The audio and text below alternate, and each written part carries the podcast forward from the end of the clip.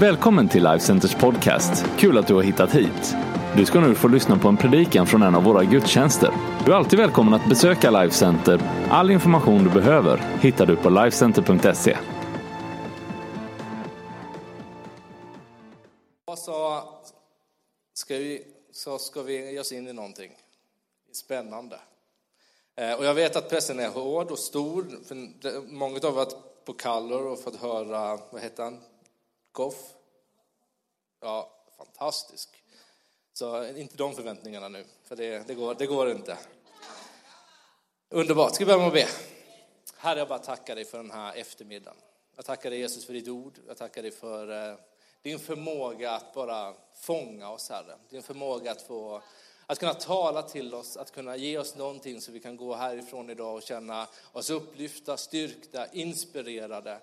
Eh, jag tackar dig, Herre, för allting det du är. Tack för att det finns ingen som du. I Jesu namn. Amen. Amen. Eh, För många år sedan så hade jag en arbetskollega som hade en otrolig förmåga att liksom citera repliker från filmer och serier. Eh, Och han kunde skjuta in dem när det passade, när det var så här riktigt bra läge. Det kunde vara typ att vi stod där på lagret och liksom bara, spelar någon roll om vi sätter det där eller där? Eh, Och då kunde han liksom bara säga, it's a moot point. It's like a cow's opinion. It doesn't matter. It's moo. Eller när jag gick förbi servicedisken där man skulle reklamera varor och så här. När man gick förbi där så kunde han stå där och sen kunde han bara säga No soup for you! Helt random. Eh, den förmågan, går ju inte riktigt hem nu, men den förmågan lättar ju ofta upp stämningen och skapar ju någonting för att de där citaten, de anspelar ju till någonting. Eh, Och eh, eh som det här då, It's a move point, it's like a cow's opinion, det kommer från vänner. Och Joey som är i Vänner är ju ganska så trög och har inte så stor koll på grejer. Eh, Och när han säger det här så är det helt plötsligt som att han ger en förklaring till ett uttryck som egentligen ingen har koll på. Och det låter helt logiskt, vilket är helt olikt honom. Nåväl, se avsnittet, jätteroligt. Även om min kollega var duktig på att memorera så lever ju inte vi i en memoreringsvärld. Istället så lever vi ju i en hämta informationsvärld. Eh, vi har kurser i källkritik i skolan. Och eh, hur ofta har inte du hamnat i det här läget att du liksom, man sitter och tittar på en film och man bara, åh, vad har hon varit med i för film tidigare? Bara, åh, jag måste komma på det. Och sen så är det någon som plockar upp mobilen och tar reda på det. IMDB-ar det är ju ett uttryck till och med för att leta reda på vad kändisar eller eh, skådespelare har gjort för någonting, en databas alltså. Det är den tiden vi lever i. Men Jesus och hans lärjungar, de levde en annan tid. Där de faktiskt lärde sig skrifterna utan till. Eh, och jag skulle vilja visa på en sån text här idag som jag tror växer om man förstår referenserna. Vi ska ge oss in i Markus, inledningsorden i Markus. Och då står det så här. Det här är alltså 1-3. Här börjar glädjebudet om Jesus Kristus, Guds son, som det står skrivet hos profeten Jesaja, alltså ett citat. Se, jag sänder min budbärare före dig och han ska bereda vägen för dig. En röst ropar i öknen, bana väg för Herren och gör hans stigar raka. Det är inledningsordet. Eh, det intressanta är att om vi inte lever i memoreringsvärlden så verkar inte de tydligen leva i källkritiksvärlden. För det första är det inte Jesaja, utan det är Malaki. Men det var helt okej på den tiden. Lika okej som att inte vi behöver komma ihåg saker utan till. Andra är nämligen från Jesaja. Det säger någonting till oss, men jag tror att en lärjunge som läste den här texten som Markus evangeliet förmedlade fick ju en annan kontext för de förstod referenserna. Då tror jag, det som jag visar här nu, det är att om jag försöker ge er den förståelsen så ser det ut så här istället. Det jag har gjort här är att jag leker med färger. Det är samma text. Och det är, se jag sänder min budbärare före dig, alltså citatet, han ska bereda vägen för dig. Fortsättningen, om man bläddrar till Malaki 3, eh, så står det så här. Plötsligt ska han komma ner till sitt tempel, den härskare som ni ber om, den förbundets budbärare som ni begär. Se, han kommer, säger Herren Sebaot. Sen fortsätter det med det som är med. En röst ropar i öknen, bana väg för Herre, i hans stigar raka. I den kontexten i Jesaja så finns det också Herrens härlighet ska uppenbaras och alla människor ska se det. Herren har talat.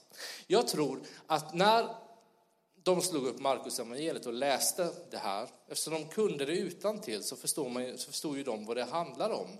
Och då räckte det med att säga att eh, så jag sänder min budbärare före dig, han ska bereda vägen för dig. Och sen knyter han det snyggt till Jesaja.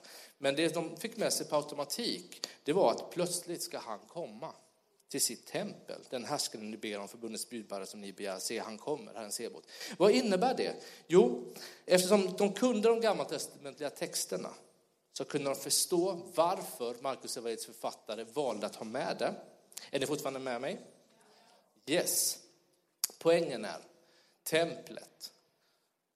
Redan i början på Markus evangeliet så sätts det ett fokus på att Herren är på väg till templet igen. Som också evangeliet beskriver. Jesus färdas ju från norra Israel ner till Jerusalem i alla evangelierna. Han är på väg till Jerusalem. Templet är den mest centrala platsen. Det är den här heliga platsen. Varför är den helig? Jo, för Israelit trodde att Gud själv bor i templet. Så länge Gud är i templet så är det ingen fara. För Gud har total kontroll. Redan det här får de med sig. Det andra då, bana väg för Herren, det innebär att Herrens härlighet ska uppenbaras för alla människor. Det är en tydlig markering redan i början att Gud kommer med en ny tid. Han kommer vara nära och plötsligt så handlar det inte bara om sammanhanget Israels folk utan det handlar om alla människor världen över, vilket var nytt. Att förstå referenser. Om jag skulle säga att töja inte längre Karl-Oskar. Så tror ju vissa här att jag fick stroke precis nu. Men de som har sett filmen tänker på Utvandrarna just nu. Det gäller att förstå referenser, anspelningar. Yes, redan nu så förstår vi att de två första verserna är ju liksom vilken början på en film egentligen. Alltså man, hela, man får hela förståelsen. Att Jesus, det är en ren glädje, står det egentligen. Det är en ren glädje att Jesus kom till jorden. Gud förkroppsligad till templet, all religiös makts centrum. Och att hans härlighet inte bara är kopplad till judiska kontexten utan ska också ta ett steg ut i hela världen sjukt modiga påståenden som någon har skrivit 50, 60, 70 år efter Kristi födelse. Det såg inte riktigt ut så då. Då var det ju faktiskt bara en man från norra Israel, från Norrland i Israel, som gjorde starka påståenden och som hade några följare. Men idag så är vi över två miljarder som säger att vi är kristna. Och de flesta utav oss vaknar upp varje morgon och är väldigt tacksamma för vad Jesus har gjort för oss. Bibeln beskriver ju att i Jesus-mötet så förvandlas livet. Inte främst korrigerade liv till rättalagda liv, utan, utan förvandlade liv. Det är evangeliet. Det är Bibelns budskap. Så här står det i första Johannes 5, 11-12, kommer här på skärmen. Gud har gett oss evigt liv och det finns i hans son. Den som har hans son har livet. Den som inte har Guds son har inte livet.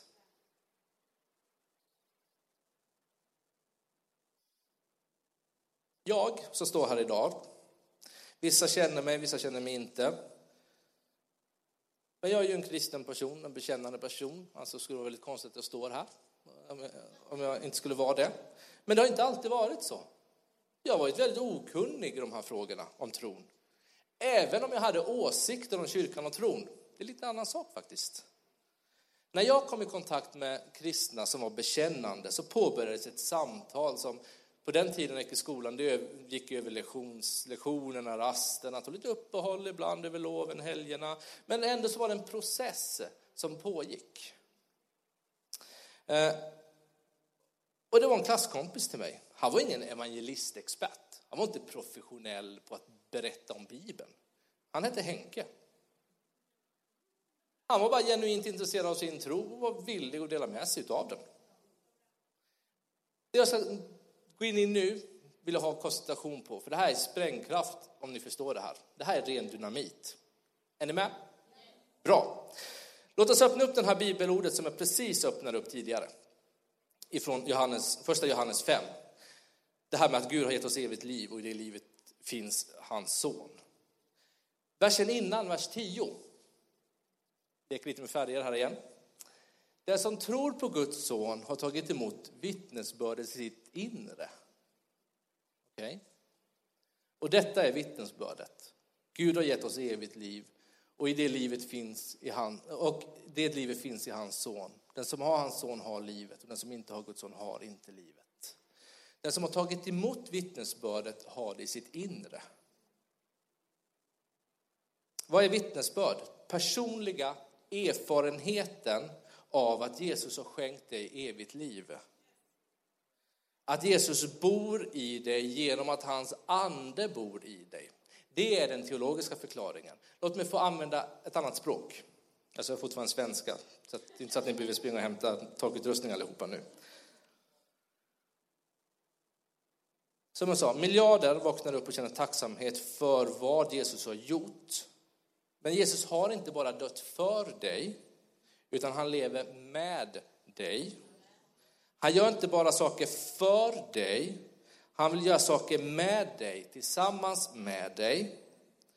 Hjälp mig här nu. Inte enbart saker för dig, utan ja, vad är skillnaden? Det är sjukt enkelt att göra någonting för någon. Det är bara att göra det. Då har du gjort det. Men att göra någonting med någon, det kräver lite mer. Det kräver någon form av relation. Det kräver lite mer tid. Det kräver också någon form av kommunikation och göra någonting med någon. Är inte det här vad kristen tro handlar om? Att du gör livet tillsammans med Gud. Det här vittnesbördet, det är ju din livsresa, pågående livsförvandlingen. Den som har sonen har livet. Den som tror på Guds son har tagit emot vittnesbördet i sitt inre. Med Gud. Han har inte bara gjort någonting för dig en gång, han är med dig. Henke, han då som inte var en evangelistexpert. Han var ju bra och så, så att jag inte vill betona det på det sättet. Men, men han skapade inte vittnesbördet i mig.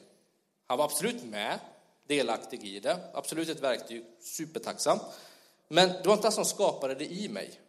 Han tog kontakt med mig, han började prata om sådana frågor med mig, ville dela med sig mer. Jag var intresserad av att höra mer, det är också en nyckel som är viktig. Eh, det var någonting bra som pågick där. Han bjöd med mig till kyrkan. Samtidigt i den här relationen så hände någonting annat. Och det var lite, lite osynligt, låt oss kalla det andliga världen. Ett andligt verk skedde i mig samtidigt. Jag börjar så mjukna upp, för jag börjar förstå vem den här Jesus, den här historiska personen, som vandrade på Israels gator för 2000 år sedan, som åt mat, som sov och som gick på toaletten och som gjorde allting det där som vi gör. På något sätt så börjar han kalla mig hem igen. Till min verkliga tillhörighet hos Gud. Tänk så här, Henke och jag, vi hade en horisontell relation. Är ni med? Horisontell. Gud och jag samtidigt hade en vertikal dialog. Någonting som skedde på insidan. Alltså Gud blev verklig för mig. Jag kunde fatta ett beslut om att få ta emot Jesus som min Gud och som min Herre och att jag fick min synd förlåten. Det här ordet synd, otroligt belastat ord.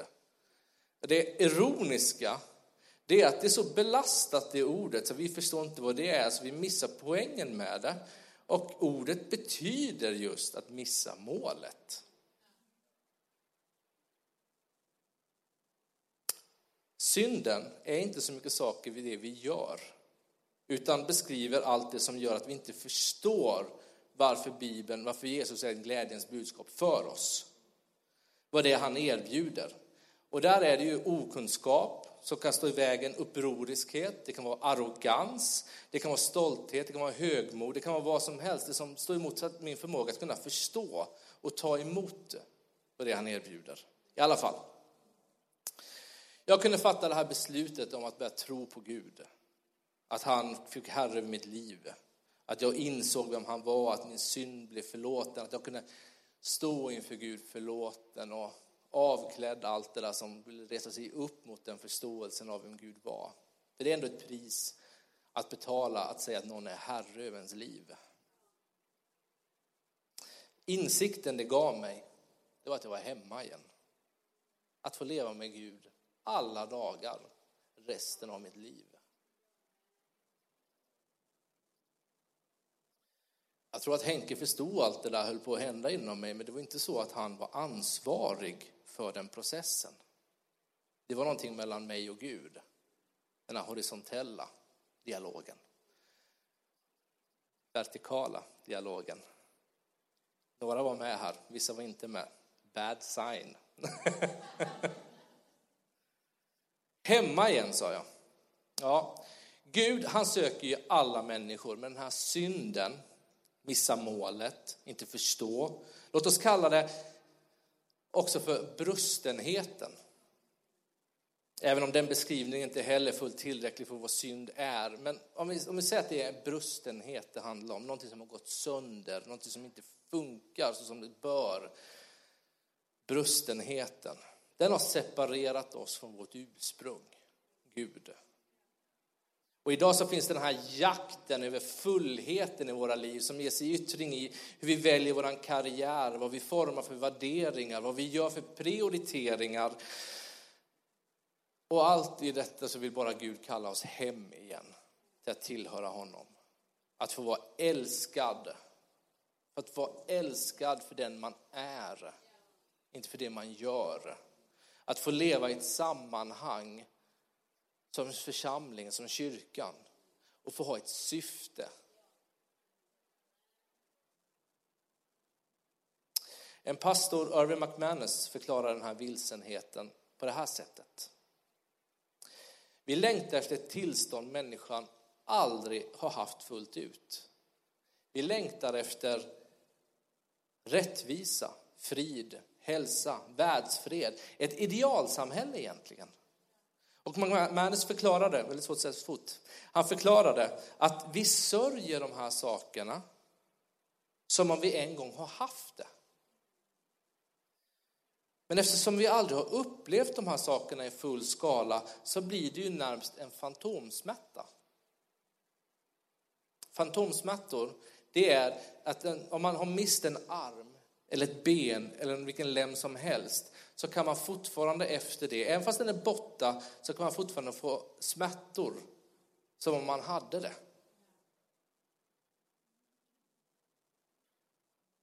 Fantomsmärta upplever du inte efter din svans eller din tredje arm. För det har aldrig existerat.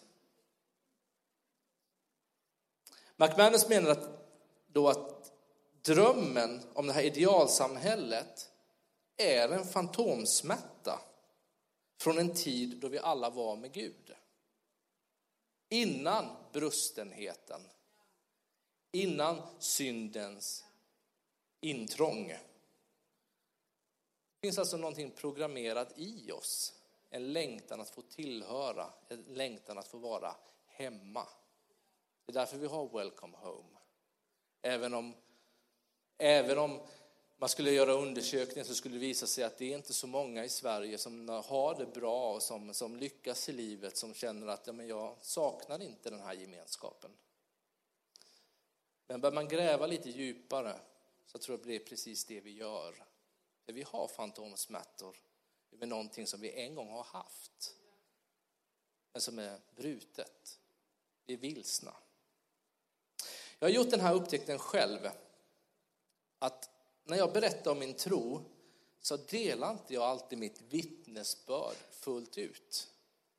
Jag, alltså, jag, jag, berättar om min tro, jag berättar att jag går i kyrkan, jag berättar att, eh, vad Jesus har gjort för mig. Jag, jag berättar allting det där. Men det, det, det stannar där, vad Jesus har gjort för mig. Då blir svaret ofta bra för dig, kul för dig, inte intresserad. Men, men bra för dig. Men vittnesbördet handlar ju inte enbart om hur vi blev kristna en gång i tiden, utan det är ju även att vi är kristna och lever med honom.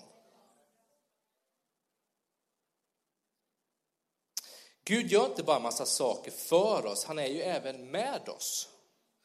Har ni tänkt på att Jesus har ett namn till? Jag tänker inte på Josefsson eller något annat lustigt nu, utan han har faktiskt ett namn till. Och det finns i först, i först finns bara ett Matteus. Jag försöker inte lura er här. Matteus kapitel 1 och 23, där står det om Jesus mamma. Och jungfrun ska bli havande. Kommer här, så att ni får med det. Jungfrun ska bli havande och föda en son och man ska ge honom namnet Immanuel. Det betyder Gud med oss. Jag tror ni börjar förstå vad det är jag är ute efter.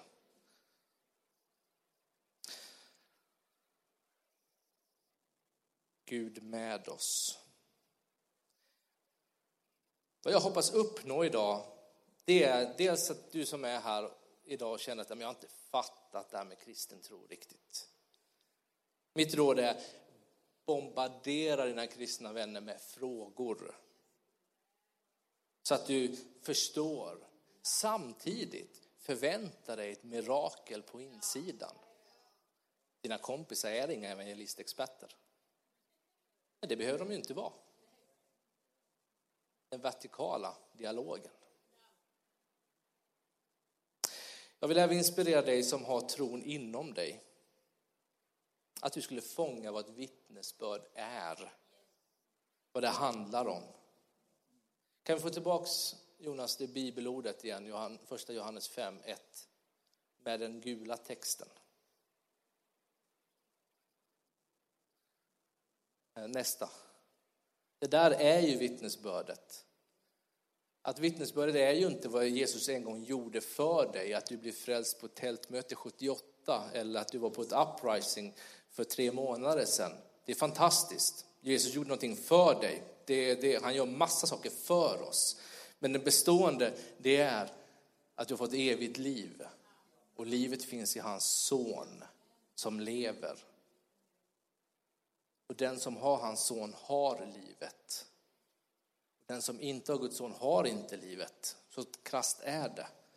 Men att detta är vittnesbördet, att Gud har gett oss evigt liv. Tänk, tänk vad vi skulle kunna göra tillsammans med Jesus. Vi kan berätta vår historia, vi kan berätta vad Jesus har gjort för oss. Men att vi också skulle öva oss på det här talar jag så mycket till mig själv också, för det är det som är min upptäckt. Att vi skulle öva oss på att berätta vad vi gör med Jesus. Tillsammans med Jesus. Det krävs lite arbete. Det krävs lite kreativitet. Tänk på hur du använder språket. Det är inte alltid en ögonöppnare att säga att Jesus dog för dig. Att någon dog för någon 2000 år sedan behöver inte betyda så mycket. Folk dör varje dag. Men det betyder ju inte att det inte betydde någonting att Jesus dog. Det gjorde det ju verkligen. Men vi behöver vara kreativa och kunna berätta vad någons död för 2000 år sedan verkligen betyder. Och då är det ju att, att han är med oss. Att det syns i våra liv, att vi har den tilltron, den, den relationen med honom. Att det syns. Vi gör saker som ser märkliga ut. För man skulle inte göra det om man, eh, om man inte skulle ha någon som är med den. Vi behöver bli kreativare. Vi behöver berätta. Jag har försökt göra det i den här predikan idag genom att prata om brustenhet, prata tillhörighet, hemma. Använda andra ord. Att bara säga att Jesus bor i dig. Vilket också är hur? Ja, jag älskar att prata sånt. Jag är teolog. Jag, jag går igång på sånt.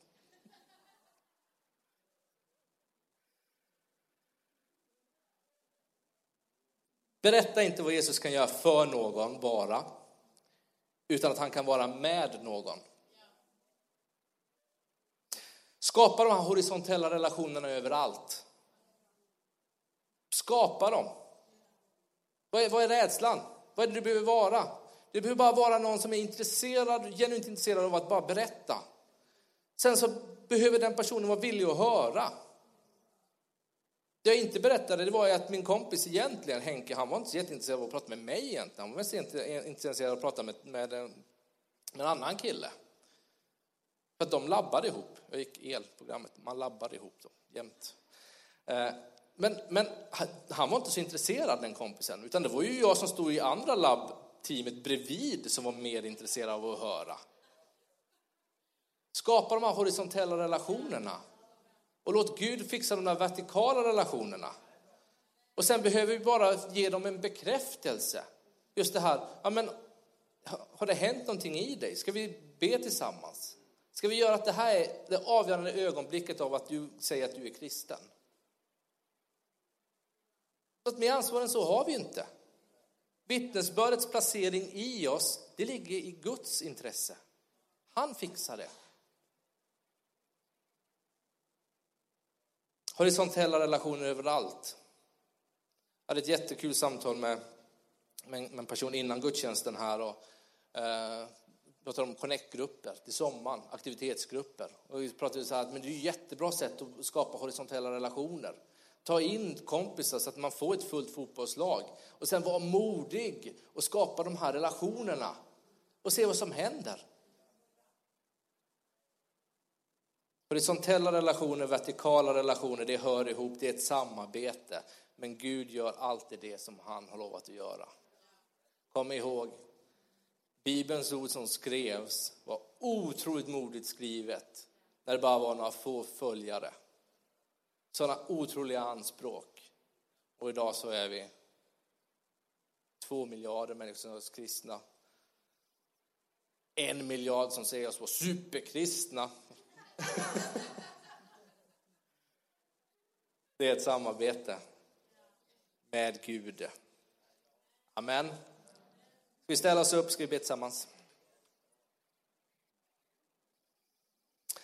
Jesus, Jesus, Jesus, jag tackar dig för att när du uppenbarar dig för oss, när vi förstår vår brustenhet, när du kallar oss hem, när du säger välkommen hem, så händer det inte bara att det är ett intellekt förståelse, utan det är också en, en koppling till dig eh, som ett familjeband, att vi får bli ett Guds barn.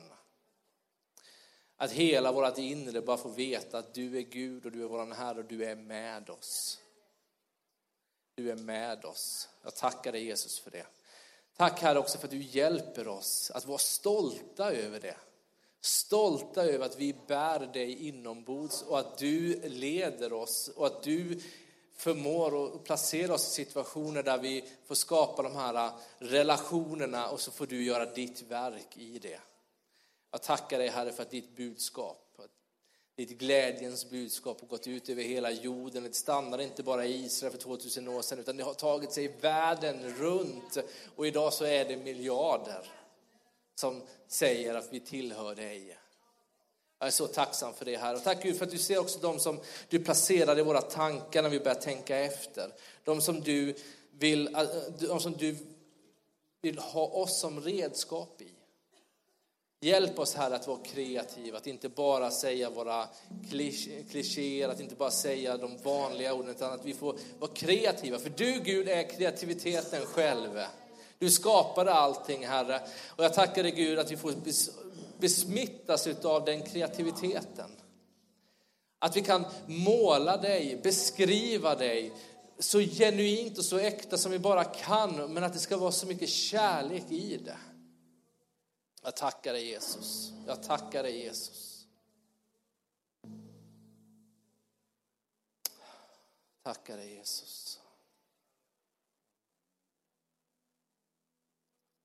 Innan jag låter Pernilla komma upp här och ta över så, så kommer det till mig. Jag hade sådana städdag igår i föreningen och det hjälper ju mig att fixa min egen trädgård också. Och, eh, och eh, jag har en buske, som, en stor hög buske, som jag gav mig på igår. Som en obarmhärtig herre så, så ansade jag den på ett brutalt sätt. Jag tror att någon här inne kanske känner sig lite ansad. Skillnaden är att, att, att jag kommer mig på den busken så hårt så att jag tror att den dör. Min svärmor tror att den kanske lever, men jag tror bara hon är snäll. Den dör.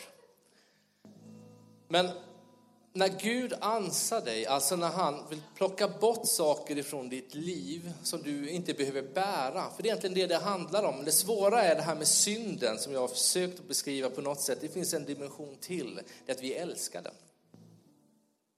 Vi älskar den för att vi tror att den definierar oss. Vi tror att den ger oss någon slags pondus, att, vi, att det är någon slags erfarenhet vi själva har gjort oss, att vi kan säga att vi är någonting. Men det är så fruktansvärt fel, för den, den, den, den förminskar dig så och vilseleder dig så. Tillbaks till busken. Du kanske känner dig en buske som har blivit rejält ansad. Och jag skulle bara vilja säga till dig att det är Ja, du är ansad, men inte på ett obarmhärtigt sätt. Utan du är bara ansad för att du ska kunna växa till på ett helt annat sätt. För att kunna känna en inre frihet som bara kan komma genom den processen. Ja. Jag vill bara skicka med dig det. Till dig som, som undrar lite grann vad Gud är när det är stormigt. Han är med dig. Han är med dig. Han är också för dig, men främst är han med dig. Tack Jesus att vi får vända oss till dig i alla lägen. Tack Jesus att vi får vända oss till dig och kasta oss på dig i alla lägen och veta att du är den, du är den enda fasta punkten i hela den här tillvaron, i hela den här kosmos. Det finns ingen annan än dig Jesus, och vi är så tacksamma att vi får tillhöra dig, att vi får ha dig så nära så att du är med oss, i oss. Du är för oss, du använder oss, du är, alltså han går igenom oss. Men, men att du Herre, du är våran tillflyktspunkt, men du är också vår enda fasta punkt som vi kan fokusera på. Tack Herre för att du fostrar oss och du vägleder oss och du gör oss till de som vi ska vara. I Jesu namn.